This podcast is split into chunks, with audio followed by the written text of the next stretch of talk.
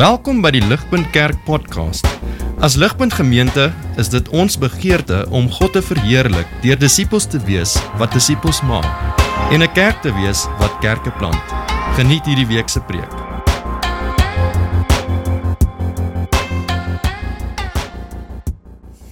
Hallo almal. Uh, ek lees vanaand vir ons uit Openbaring 6 vers 1 tot 17 uit die ESV vertaling. Hier is die woord van God. Now I watched when the Lamb opened one of the seven seals, and I heard one of the four living creatures say with a voice like thunder, Come. And I looked, and behold, a white horse, and its rider had a bow, and a crown was given to him, and he came out conquering and to conquer. When he opened the second seal, I heard the second living creature say, Come. And out came another horse, bright red. Its rider was permitted to take peace from the earth, so that people would slay one another, and he was given a great sword.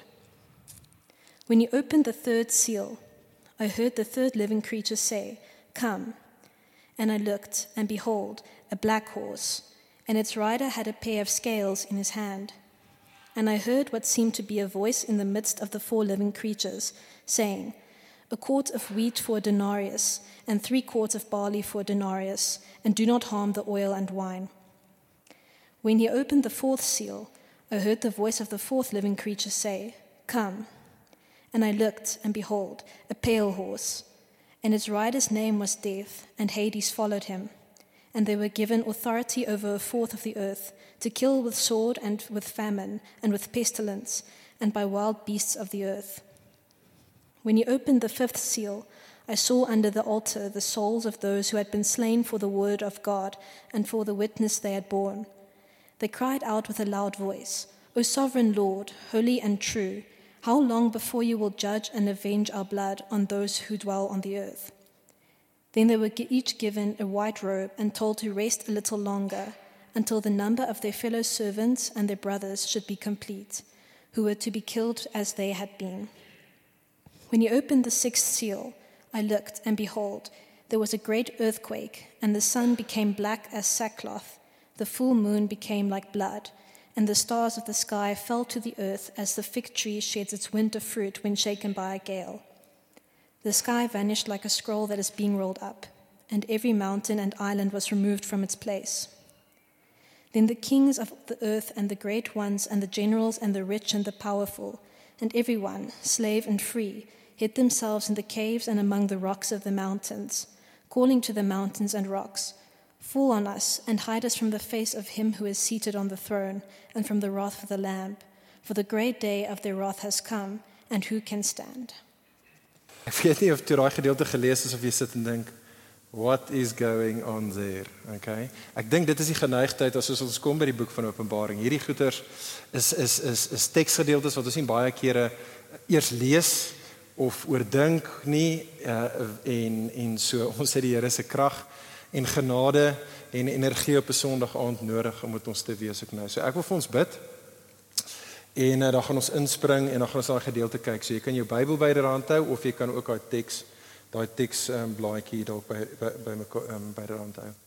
Kom ons bid en kom ons vra die Here om nou met ons daadwerklik te ontmoet en met ons te praat op 'n kragtige manier. O Here God, Vader, ons kom na U toe vanaand. Here, soos wat ek hier so staan, weet ek ek het dit nodig. Ek is ehm um, Here, ek is moeg en ek is seker baie van ons is moeg.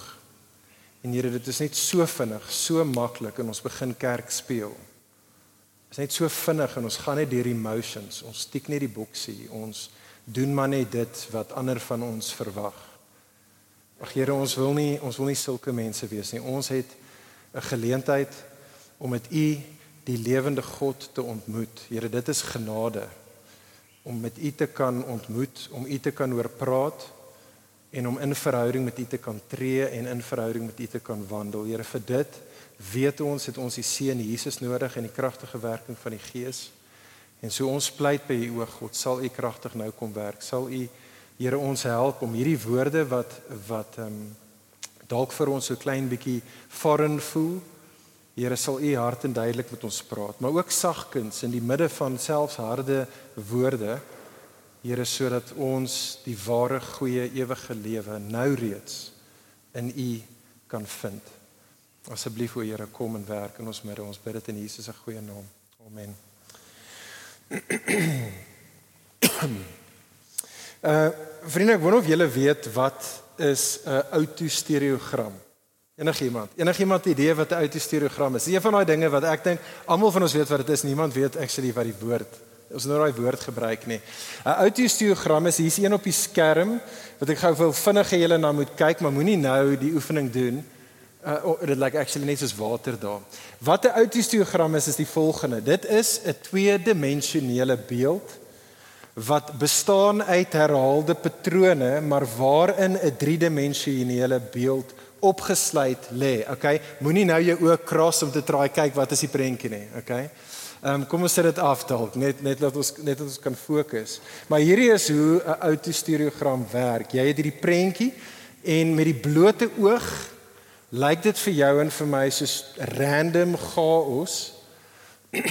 maar as jy net vir 'n oomblik stop en diep asemhaal en geduldig fokus, En agter die tweedimensionele patroon eh, om om te te fokus op dit wat agter die tweedimensionele patroon lê, dan kan die wat die oë het om te sien 'n dieper realiteit opmerk. En dit wat eers vir jou en vir my soos chaos lyk, is daar ewe skielik is daar eintlik betekenis te midde van dit wat so weird is, is daar eintlik betekenis dan te vind.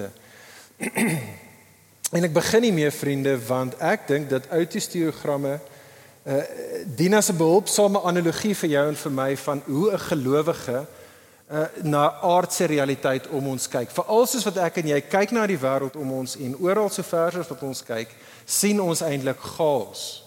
Oral om ons is dit net goddeloosheid en dit is net gebrokenheid, alles is messy.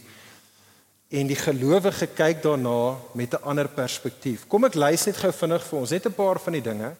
Ek weet nie hoeveel julle die die nuus volg nie, maar kom ek lys net 'n paar dinge wat in die laaste maand in hierdie wêreld waarin ek en jy lewe wat plaasgevind het, wat besig is in die afspeel is. Baie van ons weet dit, baie van ons onderdruk hierdie goed, maar ek wil hê ons moet dit hoor. So natuurlik net in die laaste maand maand nog steeds is die oorlog tussen Oekraïne en Rusland aan die gang. Dis nou al vir baie van ons ou nuus, maar as jy in Oekraïne nou is, beloof ek vir jou is dit baie baie reël en is baie baie painful. Vroeger in die maand van September was daar, ek weet nie of jy dit gesien het in die nuus nie, was daar daai massiewe aardbewing in Marokko gewees. Uh net net 'n paar weke gelede 3000 mense is dood in Marokko met daai aardbewing. 6000 mense was beseer. 400 000, 'n half miljoen hoeveelheid mense is op 'n rowwe manier geaffekteer deur daardie aardbewing. Net 'n week daarna was daar die massiewe vloede in Libië, net net basically langs pretty much langs Marokko gewees. 5000 mense is dood. Maar ons nog 'n ander 10000 mense wat nou nog missing is. Hulle is letterlik in die see ingespoel en niemand weet waar daardie mense is nie. So dis 15 mense, 15000 mense wat dood is, 43000 mense in daai een stad in Libië haweloos. Net in die laaste week in Suid-Afrika, soos baie van ons weet, hierdie massiewe storms en die groot vloede met baie sterftes, baie baie skade en ons dalk in die sirkels waarin ek en jy beweeg, ervaar dalk nie so akkiet nie, maar soveel der duisende mense in ons land is vanaand sonder 'n huis en haweloos weens hierdie vloede in ons land in die laaste week. Ek weet nie of jy bewus is daarvan nie, maar net in die laaste week was dit in News 24 dat ons is heidaglik in die midde van die grootste bird flu outbreak in die geskiedenis van Suid-Afrika. Nog nooit tevore soos hierdie week is daar 'n groter bird flu outbreak as nou nie. COVID voel dalk vir ons soos baie ou nuus, maar in hierdie week was dit in die koerante dat by Gatwick um, lughawe in Londen was daar nuwe gevalle en hulle het sekere vlugte gekanselleer weens COVID wat sy kop uitsteek in in sekere plekke in die wêreld nog steeds. Dan is daar 'n ekonomiese resessie op die oomblik wat ek dink baie van ons pynvol van bewus is. Daar is die grootste house market crisis in Duitsland op die oomblik uh, wat hulle nog ooit in hulle geskiedenis beleef het wat hulle op die oomblik het hier in Suid-Afrika soos ek nie vir elkeen van julle kan sê Die rentekoers is skyrocket. Petrolprys gaan nou weer oor 'n week van nou af weer op, ek dink R2 diesel 'n rand of iets met die petrol. Ehm um, so kan ons so kan ons aanhou. Ek gaan nie eers begin om te rant oor Eskom nie. Ek kan nie die woord Eskom uitgooi. Julle almal voel dit, nê? Nee, ons almal voel dit. Maar dan sit ook die water in ons land. Swane op die oomblik hierdie week in die koerante het dit uitgekom dat deels oor hoekom ons hierdie gemorskrisis nou van water ook het in Swane is omdat daar 'n 290 miljoen rand ehm um, dodgy tender was wat deur gegaan het en ouens het geld daarmee gemaak en vir daai rede sê hulle om nou die probleme wat ons het net in Swane met ons water uit te sorteer gaan 4 miljard rand kos. Nader aan die huis mag baie van julle veral julle wat by die uh, tutoring by Mamelodi betrokke is sal weet dat ehm um, Sigle Malocha, Sibusise Malocha se vrou, Church in Mamelodi en baie van julle het of 'n Sigle ontmoet, dat haar kanker wat sy mee gestry het vir 'n klomp jare en ons het gedink dit was weg het weer opgevleer.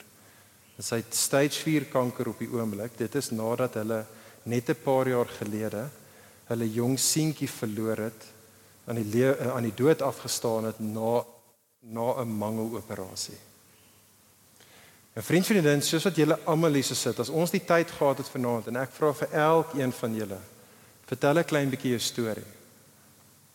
Wat is die pyn? Wat is die seer? Wat is die slegte goed wat in jou lewe aangaan? Het elkeen van ons wat hierso sit, nê, nee, het sulke stories. Vriende, hier is my punt, terug by die autostereogram analogie. Ek en jy kyk na die gemors, die mes in hierdie wêreld, die goddeloosheid en die gebrokenheid wat ons op die wêreldlandskap om ons sien en dit lyk vir jou en vir my op tye soos random betekenislose rigtinglose chaos en ek en jy vra onsself af wat op aarde gaan aan op aarde. Waar is God in dit alles? Waar is God? Wat doen hy? Hoe wat is aan die gebeur? Maar wat die Bybel vir ons sê is vir die wat die oë het om te kan sien, is daar 'n dieper realiteit aan die gang. Dit lyk vir jou en vir my skynbaar soos gaas, maar daar is 'n dieper realiteit aan die gang. Vir die wat die oë het om te sien, lê daar goddelike betekenis opgesluit en dit is waaroor Openbaring 6 oor handel wat ons vanaand gaan kyk. Alraai, so ons is besig soos ons gesê het met hierdie reeks of verstel weer die reeks op die Openbaring van Jesus. Die rede hoekom ons daar hierdie reeks so getitel het, is want dit is letterlik die eerste 4 woorde waarmee hierdie boek begin. So ons hoef nie uit te soos in uit ons duim uit te sê waar gaan die boek nie. Die boek begin daarmee sê vir jou en vir my, hierdie is die openbaring van Jesus of aangaande Jesus. Die openbaring, dit is die idee van gordyne wat weggetrek word. Hierdie boek sê vir ons as jy die gordyne van dit wat jy dink realiteit is wegtrek, dan is hierdie ultimate reality. En ultimate reality is Jesus. Volgende woord, hierdie vyfde woord waarmee die boek begin. Hierdie is die openbaring van Jesus Christus. Jesus wat die koning is, hy wat regeer, hy wat heers. Dit is wat Openbaring 1 vers 1 tot 8 sê. Hy is die koning wat reeds in die verlede oorwinning behaal het aan die kruis. Hy is die koning wat nou op die troon sit en nou oorwinning behaal. Hy is die koning wat eendag gaan terugkom vir 'n tweede en 'n laaste keer en dan finaal gaan oorwinning behaal. Dit is waaroor die boek is. En die rede hoekom hierdie boek Openbaring gepen is, is gegeewe die wêreld waarin gelowiges hulle self bevind. Openbaring 1 vers 9 het ons in die vorige reeks gesien. Was hierdie boek oorspronklik aanvanklik gepen vir sewe spesifieke kerke in Klein-Asië. En hierdie kerke het hulle self bevind, sê Johannes vir ons in Openbaring 1 vers 9. Hulle het hulle self bevind te midde van verdrukking. Die Engelse woord is tribulation. Maar die probleem is tribulation klink vir jou en vir my so klein bietjie weird. Dit klink te veel revelation weirdness taal. Wat die woord um, tribulation of verdrukking bloot beteken en dis 'n woord wat ons reg hier in die Nuwe Testament kry, is dit is amper soos 'n versamelnaam woord vir alles in hierdie wêreld, fisies en geestelik alle magte wat as dit ware indruk op 'n gelowige se lewe. Al daardie dinge fisies en geestelik wat amper ons geloof soos in uit ons uit squash. Dit is verdrukking. Alles tesame. En dit is vir sulke mense wat hierdie boek, mense soos ek en jy wat hierdie boek gepen is om vir jou en my te open vir ons te herinner dat Jesus is die koning wat reeds oorwin het, besig om te wen het en gaan oorwin.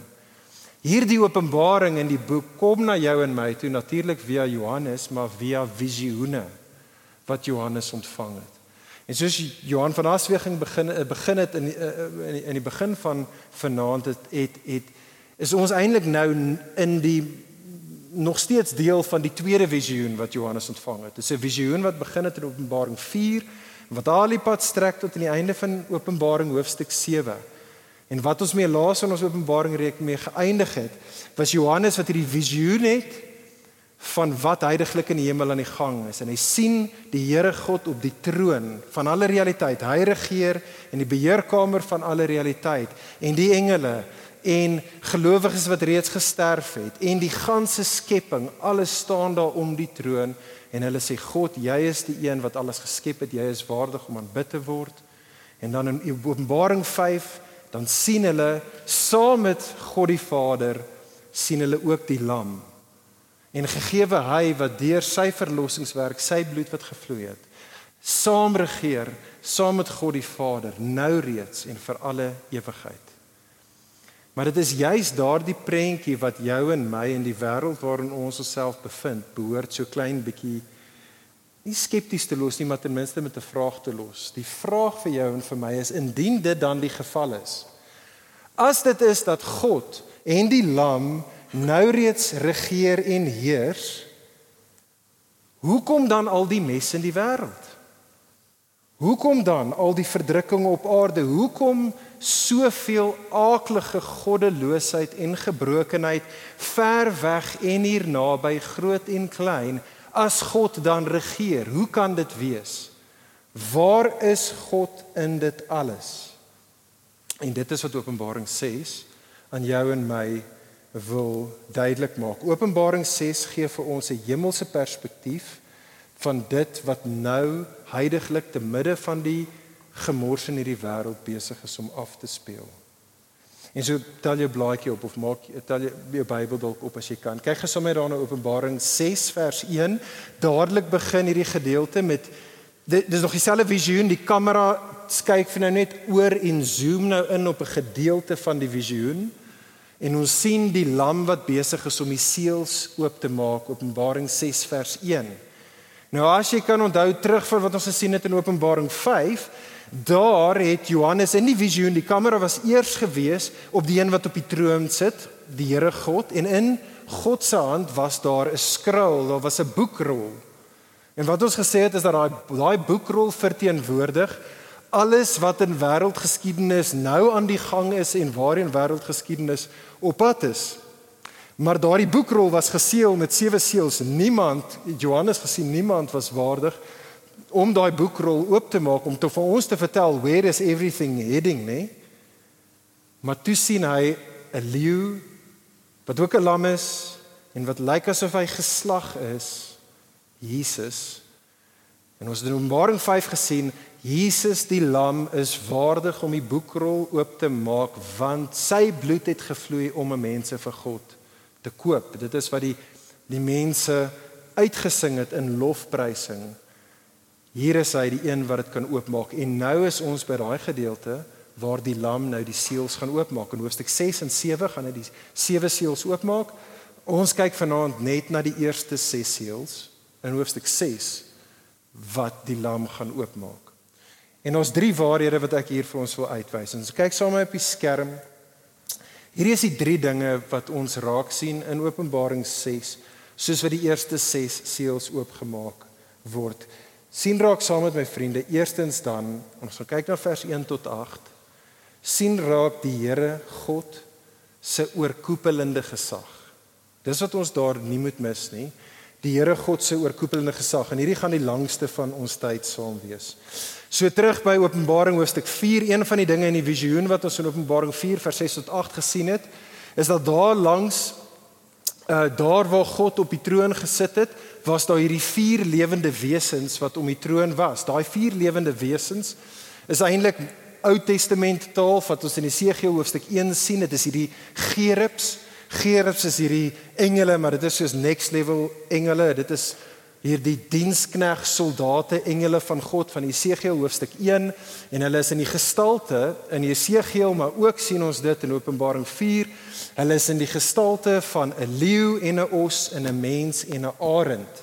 Elkeen van hierdie vier lewende wesens. En hulle was in Openbaring 4 om die troon besig om God te dien en hom te aanbid En nou kom hierdie lewende wesens hier in ons gedeelte Openbaring 6 weer te voorskyn. Kyk saam met my.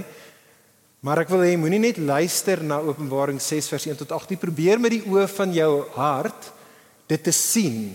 Dit wat Johannes gesien het, probeer dit imagine wat Johannes gesien het. En so eerstens, kan jy dit sien?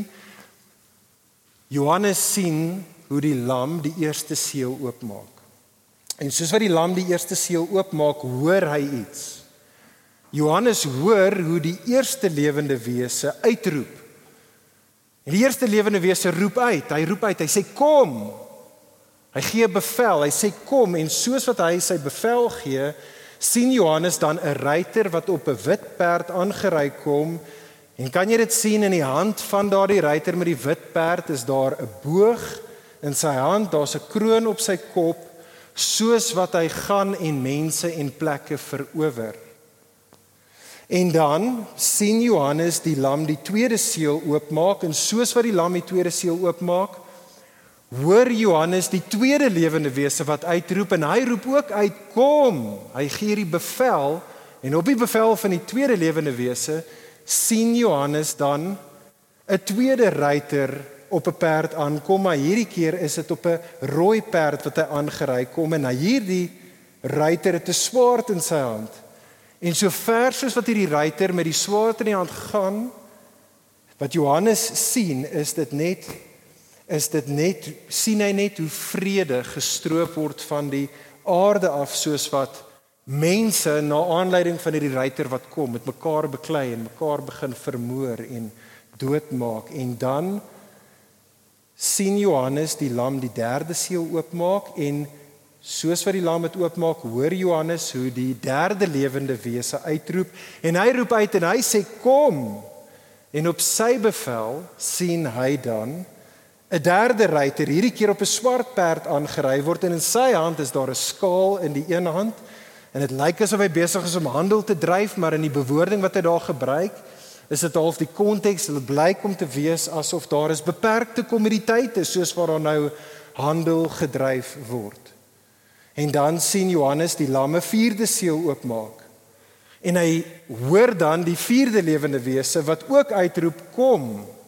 En op sy bevel sien Johannes 'n ruiter op 'n vaalperd.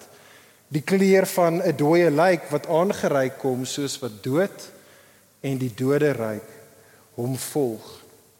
Nou vriende, ons het nie die tyd, ons het nie nou die tyd om in detail in te gaan vir die rede hoekom ons dit interpreteer of hoekom ek dit interpreteer soos ek doen nie vir dit moet jy dalk gaan luister na die eerste preek in die reeks want dis in 'n mate wat ons in die heel eerste 8 verse ek dink dit is wat Johannes vir ons sê hoe om die boek te interpreteer in die eerste 8 verse van Openbaring hoofstuk 1 maar net om dit hier op te som ons het nodig om te onthou dat die boek van Openbaring is wat hulle noem apokaliptiese literatuur En so dit is 'n tipe van literatuur, skryfstyl wat in die eerste eeu en veral in 'n Joodse konteks is daar 'n magtom boeke nie net in die Bybel nie, een of twee in die Bybel, maar buite die Bybelse konteks waar ons hierdie tipe van apokaliptiese literatuur sien. En hoekom dit behulpsaam is, ek en jy kan nie kies hoe ons dit interpreteer nie.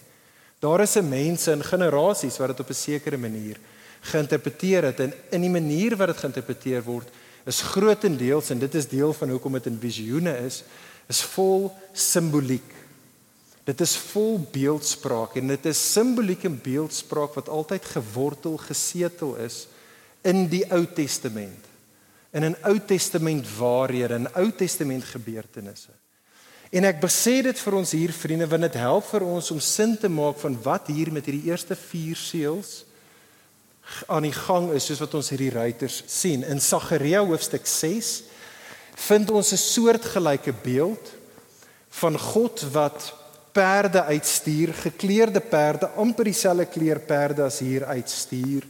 En soos wat God hulle uitstuur in Sagaria 6 word die perde uitgestuur om die aarde te oordeel. En er daardie woorde wat ek en jy het in Openbaring 6 vers 8. Kyk na daai woorde in vers 6 vers 8. Is amper 'n direkte aanhaling uit Esegiel hoofstuk 14 vers 21 in die Ou Testament waar presies die einste noodlotte daar die die aarde tref. Presies in dieselfde volgorde: swaard, hongersnood, pes en wilde diere. En daar is die konteks 1 waar God hierdie noodlotte uitstuur om die aarde te tref weens die afgodery spesifiek daarvan Israel maar van die wêreld. Nou jy mag dalk hier sit op hierdie stadium en dink, "Oké, okay, dit is dalk waaroor hierdie gedeelte gaan, maar wanneer gaan hierdie plaasvind? Wanneer gaan God hierdie vier the four horsemen of the apocalypse uitstuur om oordeel te vel oor 'n goddelose wêreld?" En hier dink ek vriende, is dit belangrik vir ons om baie mooi te hoor en te verstaan en 'n bietjie anders te dink oor hoe ek en jy oor tyd dink. Uh, ons besef dit want ons is so hedendaagse, dis nie ons skuld nie. Ons is hedendaagse westerse mense, maar wat dit beteken is dat ons konsep van tyd is eintlik 'n baie westerse manier van dink oor tyd. En so die manier wat ek en jy oor tyd dink, is ons dink oor tyd as 'n baie lineêre amper soos 'n amper soos 'n lineêre reguit lyn wat beweeg. Dit is amper soos 'n alfabet wat van A tot Z op 'n pretty much op 'n straight line gaan. En dit is 'n interessante ding, jy kan dit gaan Google, is baie interessant, maar die hele konsep van 'n lineêre tydlyn is 'n verskriklike moderne onlangse ding. Dit eintlik in die 1700s. Ek dink 1726 was dit 'n ou met die naam Joseph Priestley wat eintlik vir die eerste keer so 'n lineêre tydlyn gegee het en dis al die manier wat ek en jy na realiteit en ons wêreldbeskouing nou het.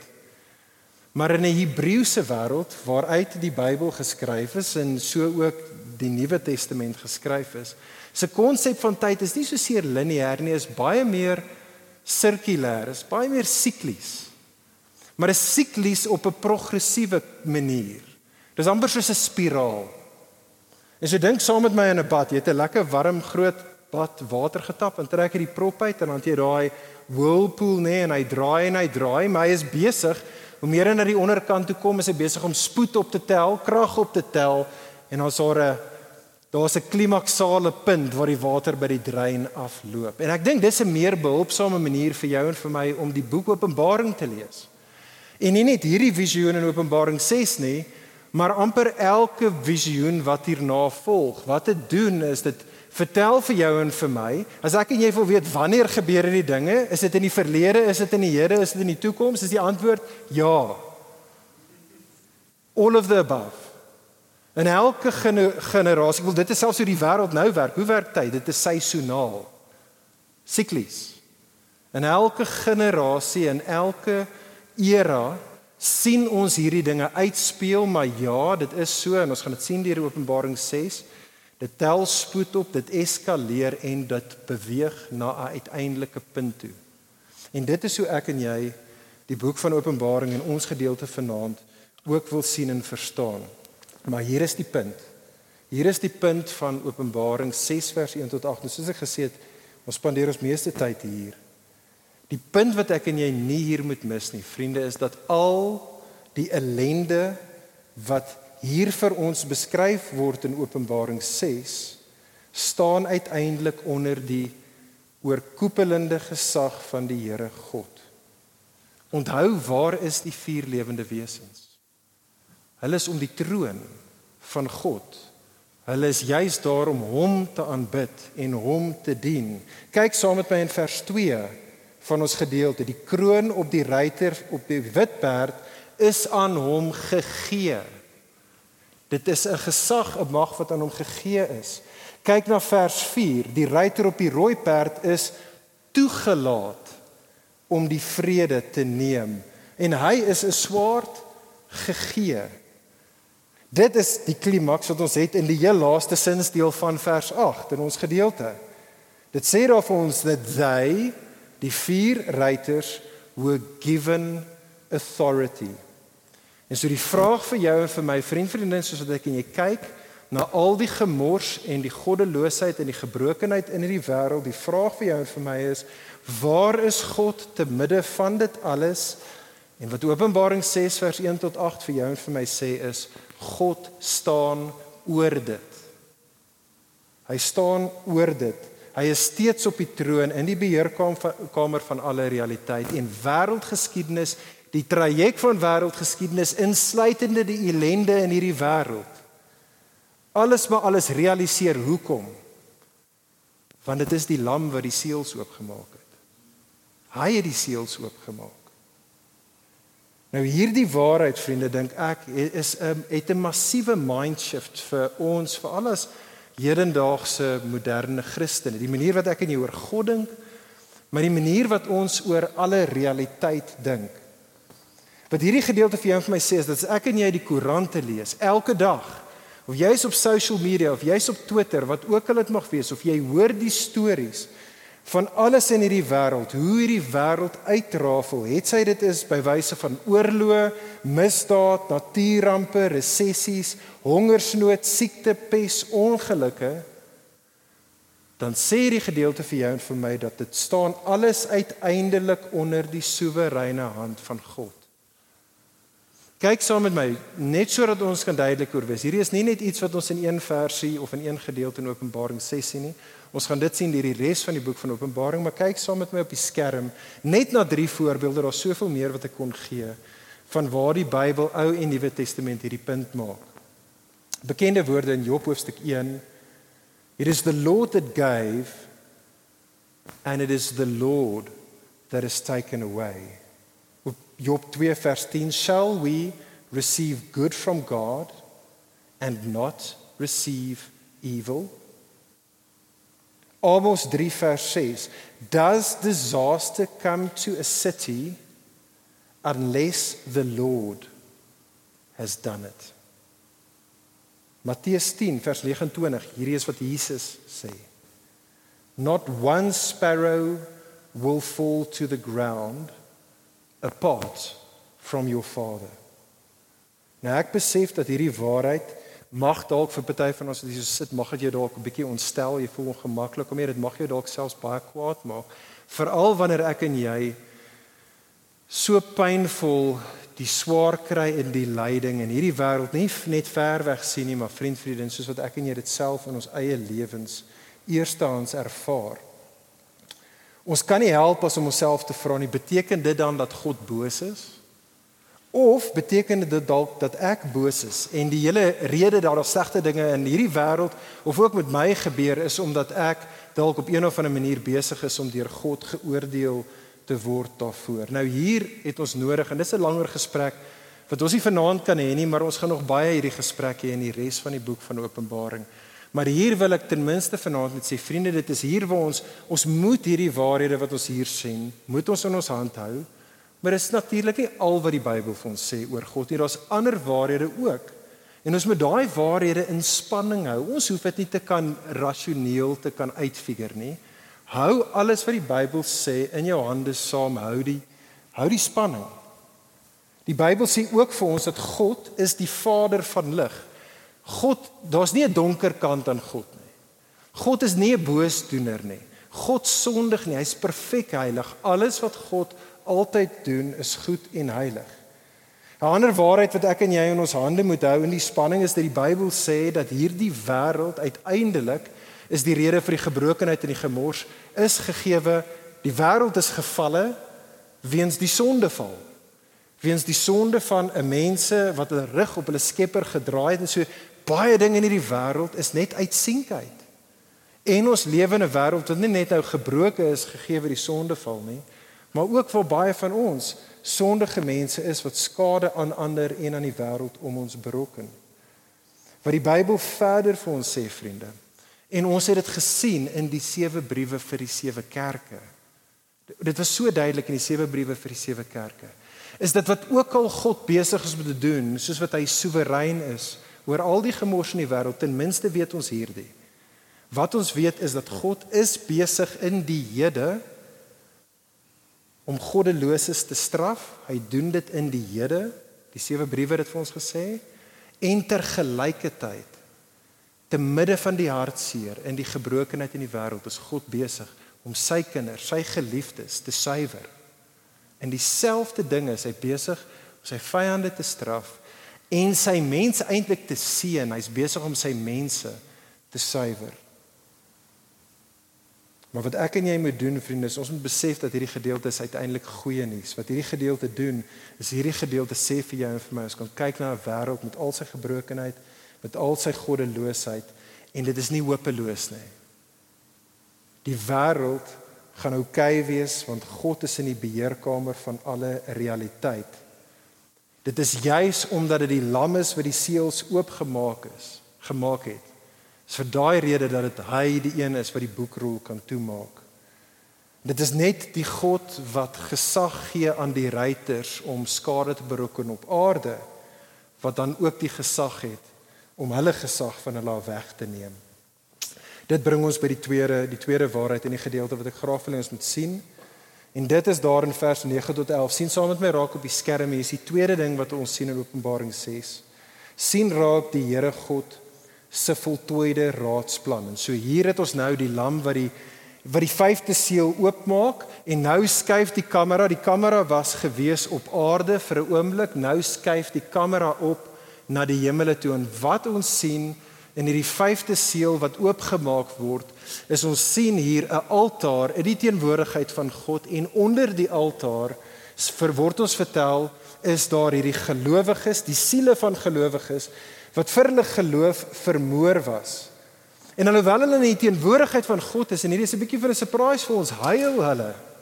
Daar's trane wat hulle huil, soos wat hulle uitroep na God. Toe kyk saam in vers 10.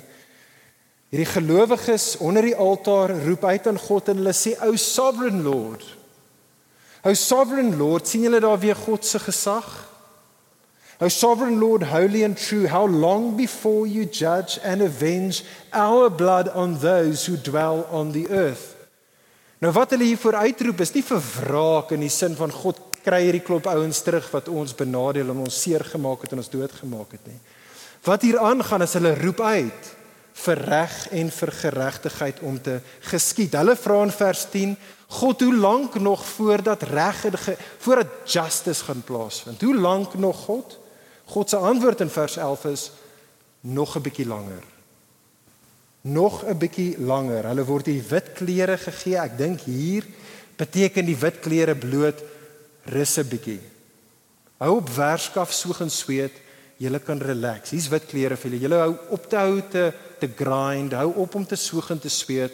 Rus 'n bietjie. In feite dit is wat God dan vir hulle sê daar. Rus nog 'n bietjie langer. Vir hoe lank? Moet hulle wag voor reg en geregtigheid gaan geskied? Wel, wag totdat die volle getal van hulle medegelowiges deur die verdrukking kom en ook in God se teenwoordigheid gaan opeindig. En so imagine saam met my hierdie ou tydse skaal, jy weet daai ou tydse skaals wat werk met die met die arms en sien aan die een kant van die skaal hierdie hamer van 'n regter, ek weet nie wat jy dit noem nie, maar dis daai hamer wat 'n regter slaan wanneer hy oordeel vel. En dis in die een arm van hierdie skaal en aan die ander kant van die skaal het jy sandkorrels en elke sandkorrel verteenwoordig 'n gelowige. 'n Gelowige wat deur die verdrukking is en nou in die teenwoordigheid van God is. En wat God sê is, hy sê wag. Elkeen van sy mense sien elke sandkorrel wat kom moet deur die verdrukking kom tot hulle by God is en daar sal 'n dag wees wanneer die skale gaan tip. Daar sal 'n dag wees wanneer God se raadsplan voltooi sal wees en dan sal reg en geregtigheid geskied. Maar nie voor dan nie. En so die vraag vir jou en vir my is waar is God nou? Te midde van al die goddeloosheid en die gebrokenheid in hierdie wêreld wat ek en jy ervaar, En wat Openbaring 6 vers 9 tot 11 vriend vriendin vir jou en vir my sê is God is nou totaal op sy pos. God is heeltemal bewus van wat aangaan. In feite God is meer bewus as wat ek en jy en die nuus en social media ons ooit kan wees. God het 2020 visie. Hy sien alles wat gebeur. Hy hoor dit. Hy hoor die gehuil en die geween van sy mense. Hy hoor elke dag soos wat sy mense uitroep en sê God, wanneer gaan jy reg en geregtigheid geskied? God sien dit en alhoewel dit God briesend maak om te sien hoe sy mense ly, is hy rustig daaroor. Hy's rustig daaroor. Hy het 'n raadsplan wat voltooi sal wees. Alles op hierdie stadium in die wêreld gebeur presies volgens sy plan. En vriende, ek en jy sit hierso en ons en ons kan die Here dank daarvoor, maar ons as gelowiges lewe uh in in in nie soos die Christene hier in die boek van Openbaring vir die oorspronklike lesers in 'n konteks waar ons ten minste vir nou ons lewens verloor by wyse van vervolging nie. Prys die Here daarvoor. Dit mag dalk nog verander in ons generasie. Die traject wat baie dinge in ons wêreld gaan, is dit dalk nog moontlik. Maar daarom nie nou op hierdie stadium nie. Prys die Here daarvoor. Maar nog steeds vriend vriendin, as jy vanaand hier so sit en jy is 'n kind van die Here, dan ervaar jy vervolging. As jy nie doen nie, is jy nie Christen nie. 2 Timoteus 3 vers 12 sê everyone who desires to live a godly life in Christ Jesus will be persecuted. As jy die gees van God in jou het en Jesus is Jenny in jou koning, het jy 'n desire to live a godly life. En as jy daai paadjie kies, nie dalk nie, jy sal vervolging ervaar. Kan ek jou vra gelowige, wat is dit vir jou? Want ek dink baie van ons ervaar daai vervolging, maar omdat ons dit nie in die ekstreme sin van die woord dink oor persecution nie, mis ons baie keer wat dit is. Kan ek jou vra wat is dit dalk vir jou? Dalk sit jy hier en en jy sien baie van julle wat getroud is, nie mense 'n paar van julle hier. Dalk is dit selfs binne in jou huwelik. Dalk is dit jou man of jou vrou wat omdat jy kies om gehoorsaam aan Jesus te wees, dit gee hulle so 'n bietjie van 'n kouer skouer. Hulle het hulle liefde van jou onttrek. Dalk is dit jou familie. Dalk omdat jy kies om genuine en nie net 'n kultuur Christen te wees nie, maar 'n genuine Christen te wees.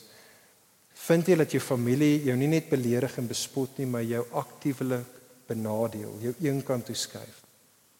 Dalk is dit by die werk. Baie van julle is nog aan die begin van julle werkstadium. Ek kan jou beloof as jy 'n Christen is, hierdie gaan toenemend vir jou 'n kruis wees wat jy gaan dra. Dit gaan nie minder word nie. Dit is 'n kruis wat swaarder word en die versoeking word meer hoe ouer jy word en hoe langer jy 'n Christen is. Maar dalk is dit jou werkskollegas wat jou besig is om jou in te doen of op 'n stadium gaan hulle jou uitwerk omdat jy kies om die stryd en narrow agter koning Jesus aan te stap. Dalk is dit jou vriende, vriende wat jy verloor het juis omdat jy sê maar ek is 'n Christen.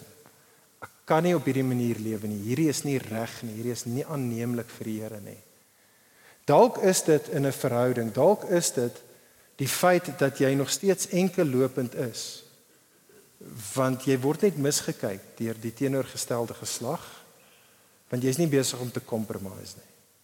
Jy is besig om te sê daar's 'n sekere manier van lewe, daar's sekere dinge, daar's lewenstyle En daar's dinge in verhoudings wat ek net nie 'n paadjies wat ek gaan afstap nie want ek is 'n kind van die Here.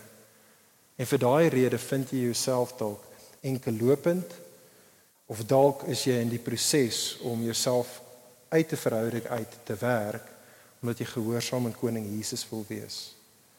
Vriend vriendin wat ook al dit vir jou is. Wat Openbaring 6 vers 9 tot 11 wil doen is dit wil jou en my vanaand bemoedig in die gemors van ons lewens as vervolgdes. Wat hierdie gedeelte vanaand wil doen is dit wil vir jou bemoedig en vir jou sê God sien jou.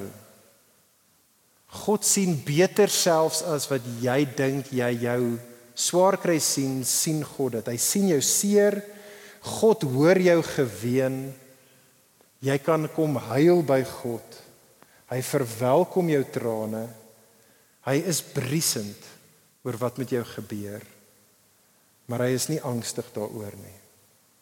Hy is totaal in beheer van jou situasie. Ek en jy weet dalk nie hoe lank daai kruis is. Jy weet dalk nie hoe lank die kruis is wat jy gaan moet dra nie.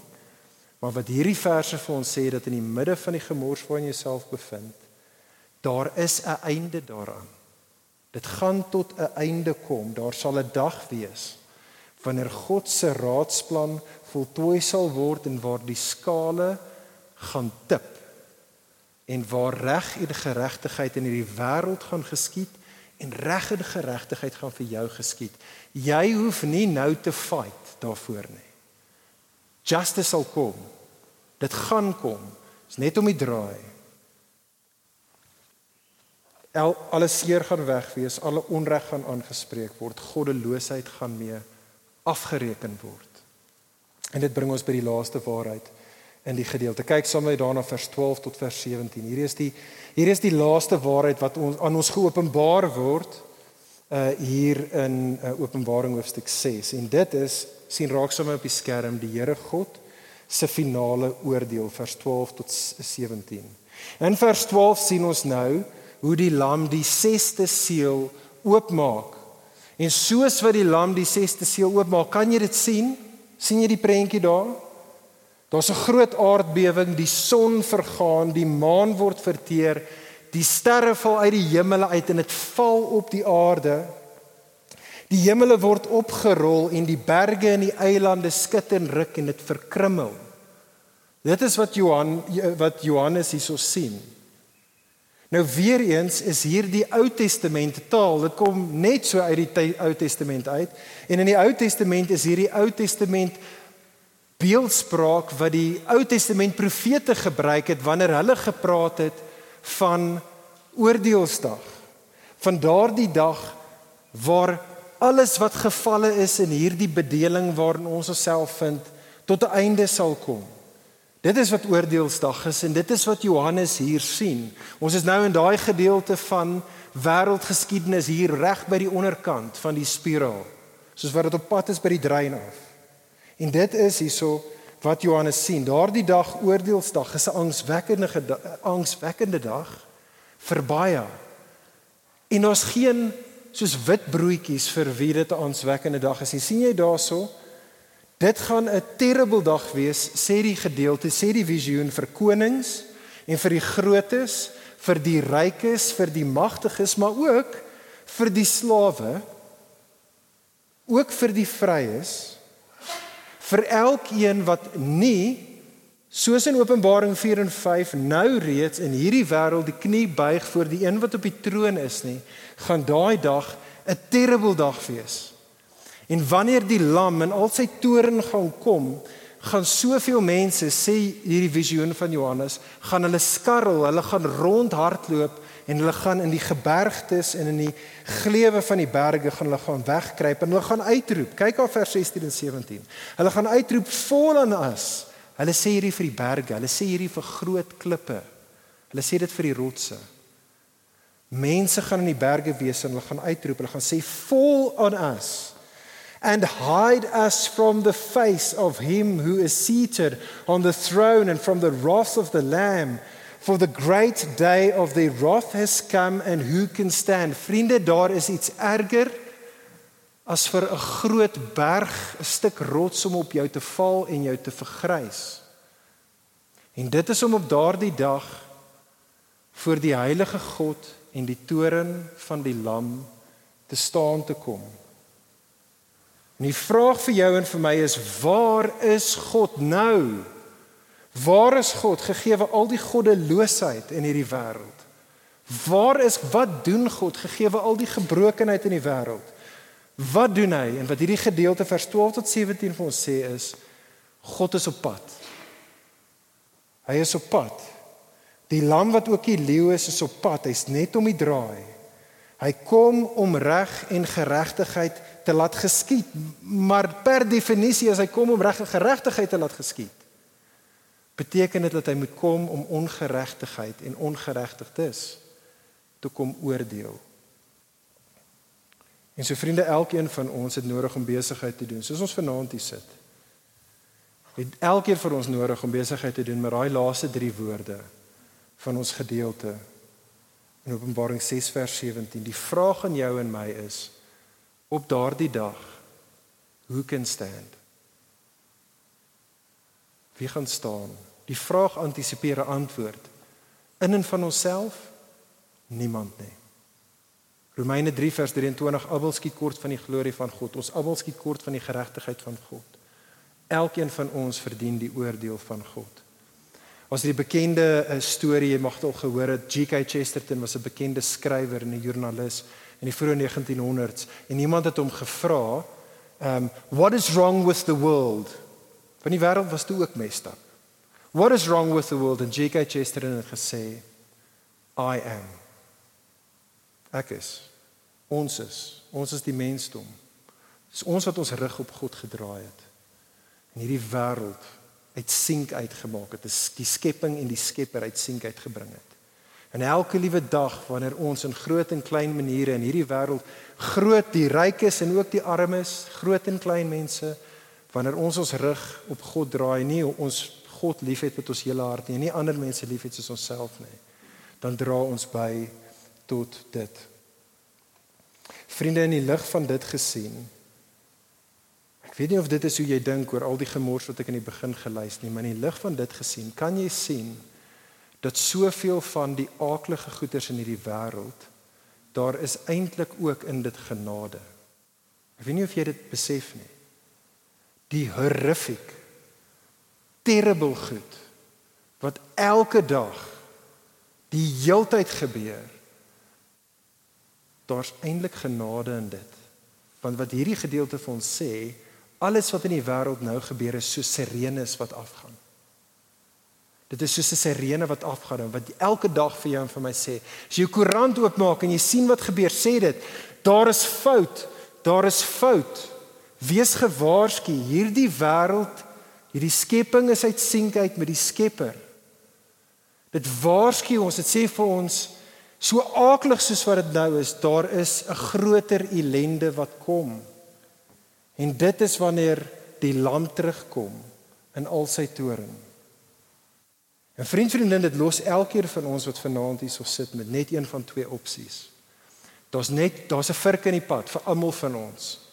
En dit is 'n paadjie wat net jy kan kies. Ek of nie jou boyfriend of jou man of jou vrou of jou pa of jou ma, niemand kan daai paadjie vir jou kies nie. Dit is 'n paadjie wat net jy kan kies, maar dit los ons met een van twee opsies. Ek en jy kan of soos baie mense in hierdie wêreld gaan en in ons spreekwoordelike grotte gaan wegkruip van die realiteit van God af te vergeefs. Jy kan dit dalk, jy kan dit dalk vir 'n kort rukkie doen. Jy dink jy speel wegkruipertjie net vir 'n kort ruk, maar dit is te vergeefs. Ons kan of te vergeefs wegkruip in ons spreekwoordelike God grotte of wat ek en jy kan doen is ons kan kom skuilings vind by die lam. Kyk saam met my laaste ding daarsoom in Openbaring 6 vers 9. Ek het dit as prins net uitgelos, maar het jy gesien waar is die siele van die gelowiges in God se teenwoordigheid? Waar is hulle? Hulle is onder die altaar. Die altaar is die plek waar die lam geslag word. Die altaar is die plek waar die lam die oordeel vat vir sondaars, vir afgodsaanbidders, sodat hulle nie hoef nie. Hulle is onder die altaar, veilig in die heilige teenwoordigheid van God. Vriende, dit is die uitnodiging vir jou en vir my. Dwaasheid is om te probeer om op 'n ander manier skuilings te vind van die toren van die lam.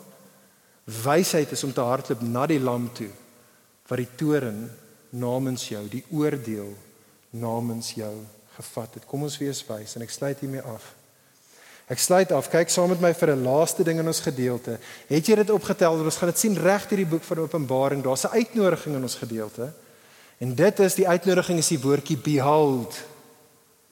Die drie keer in ons gedeelte het jy gesien vers 2, vers 5, vers 8. Soos wat die visioen gegee word, dit is 'n uitnodiging. Dit sê behold. Kyk. Sien. Het jy die oë om te kan sien? Nie net die visioen nie, maar eintlik wat aan die gang is hier. Wat hierdie gedeelte vanaand vir ons sê, is dit sê vir ons kyk sien. Kyk na die wêreld om jou met al die goddeloosheid, die gebrokenheid, die gemors en sien die soewereine hand van God raak. sien raak dat die Here God is oor alles sien raak dat hy is bewus van alles. Hy's besig om sy plan te voltooi. sien raak dat hy is op pad. Vriend vriendin mag die wat oë het om te sien mag ons sien. En soos wat ons sien, mag ek en jy mense wees wat in hierdie mestap wêreld bly vertrou in Jesus, bly getrou wees aan hierdie Jesus tot daardie dag wat ons saam met hom gaan wees. Kom ek bid vir ons saam.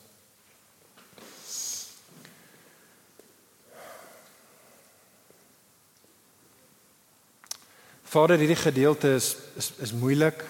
Daar was baie inligting. Daar's harde waarhede. Maar Here, dit is genade op genade vir elkeen van ons wat hier sit. Dis genade o Heer, want U is besig om ons te help nie net om sin te maak van die hier en nou met al die met alles wat sleg is nou nie, maar U is besig om ons te roep vir 'n ewigheid waar daar geen meer sleg, geen meer trane, geen meer dood, geen meer pyn en gebrokenheid gaan wees nie. U nooi ons. U nooi elkeen van ons na u seun toe. Die lam wat geslag was vir sondaars soos ons. En so Heilige Gees, ek bid en vra dat u elkeen van ons wat hier is, opnuut, party van ons dalk vir die eerste keer, maar vir baie van ons net vir die hoeveelste keer dat u ons almal o Gees van God sal jaag na Jesus toe. Hy die koning, hy die leeu, hy die lam wat oordeel vir ons gevat het. Ons loof en ons prys u. En ons vra u o Here, kom tog gou. Kom tog gou en neem ons vir al die ewigheid in die ewigheid in. In Jesus naam bid ons dit. Vir meer inligting oor Ligpunt Kerk, besoek gerus ons webwerf op www.ligpunt.com of kontak ons gerus by info@ligpunt.com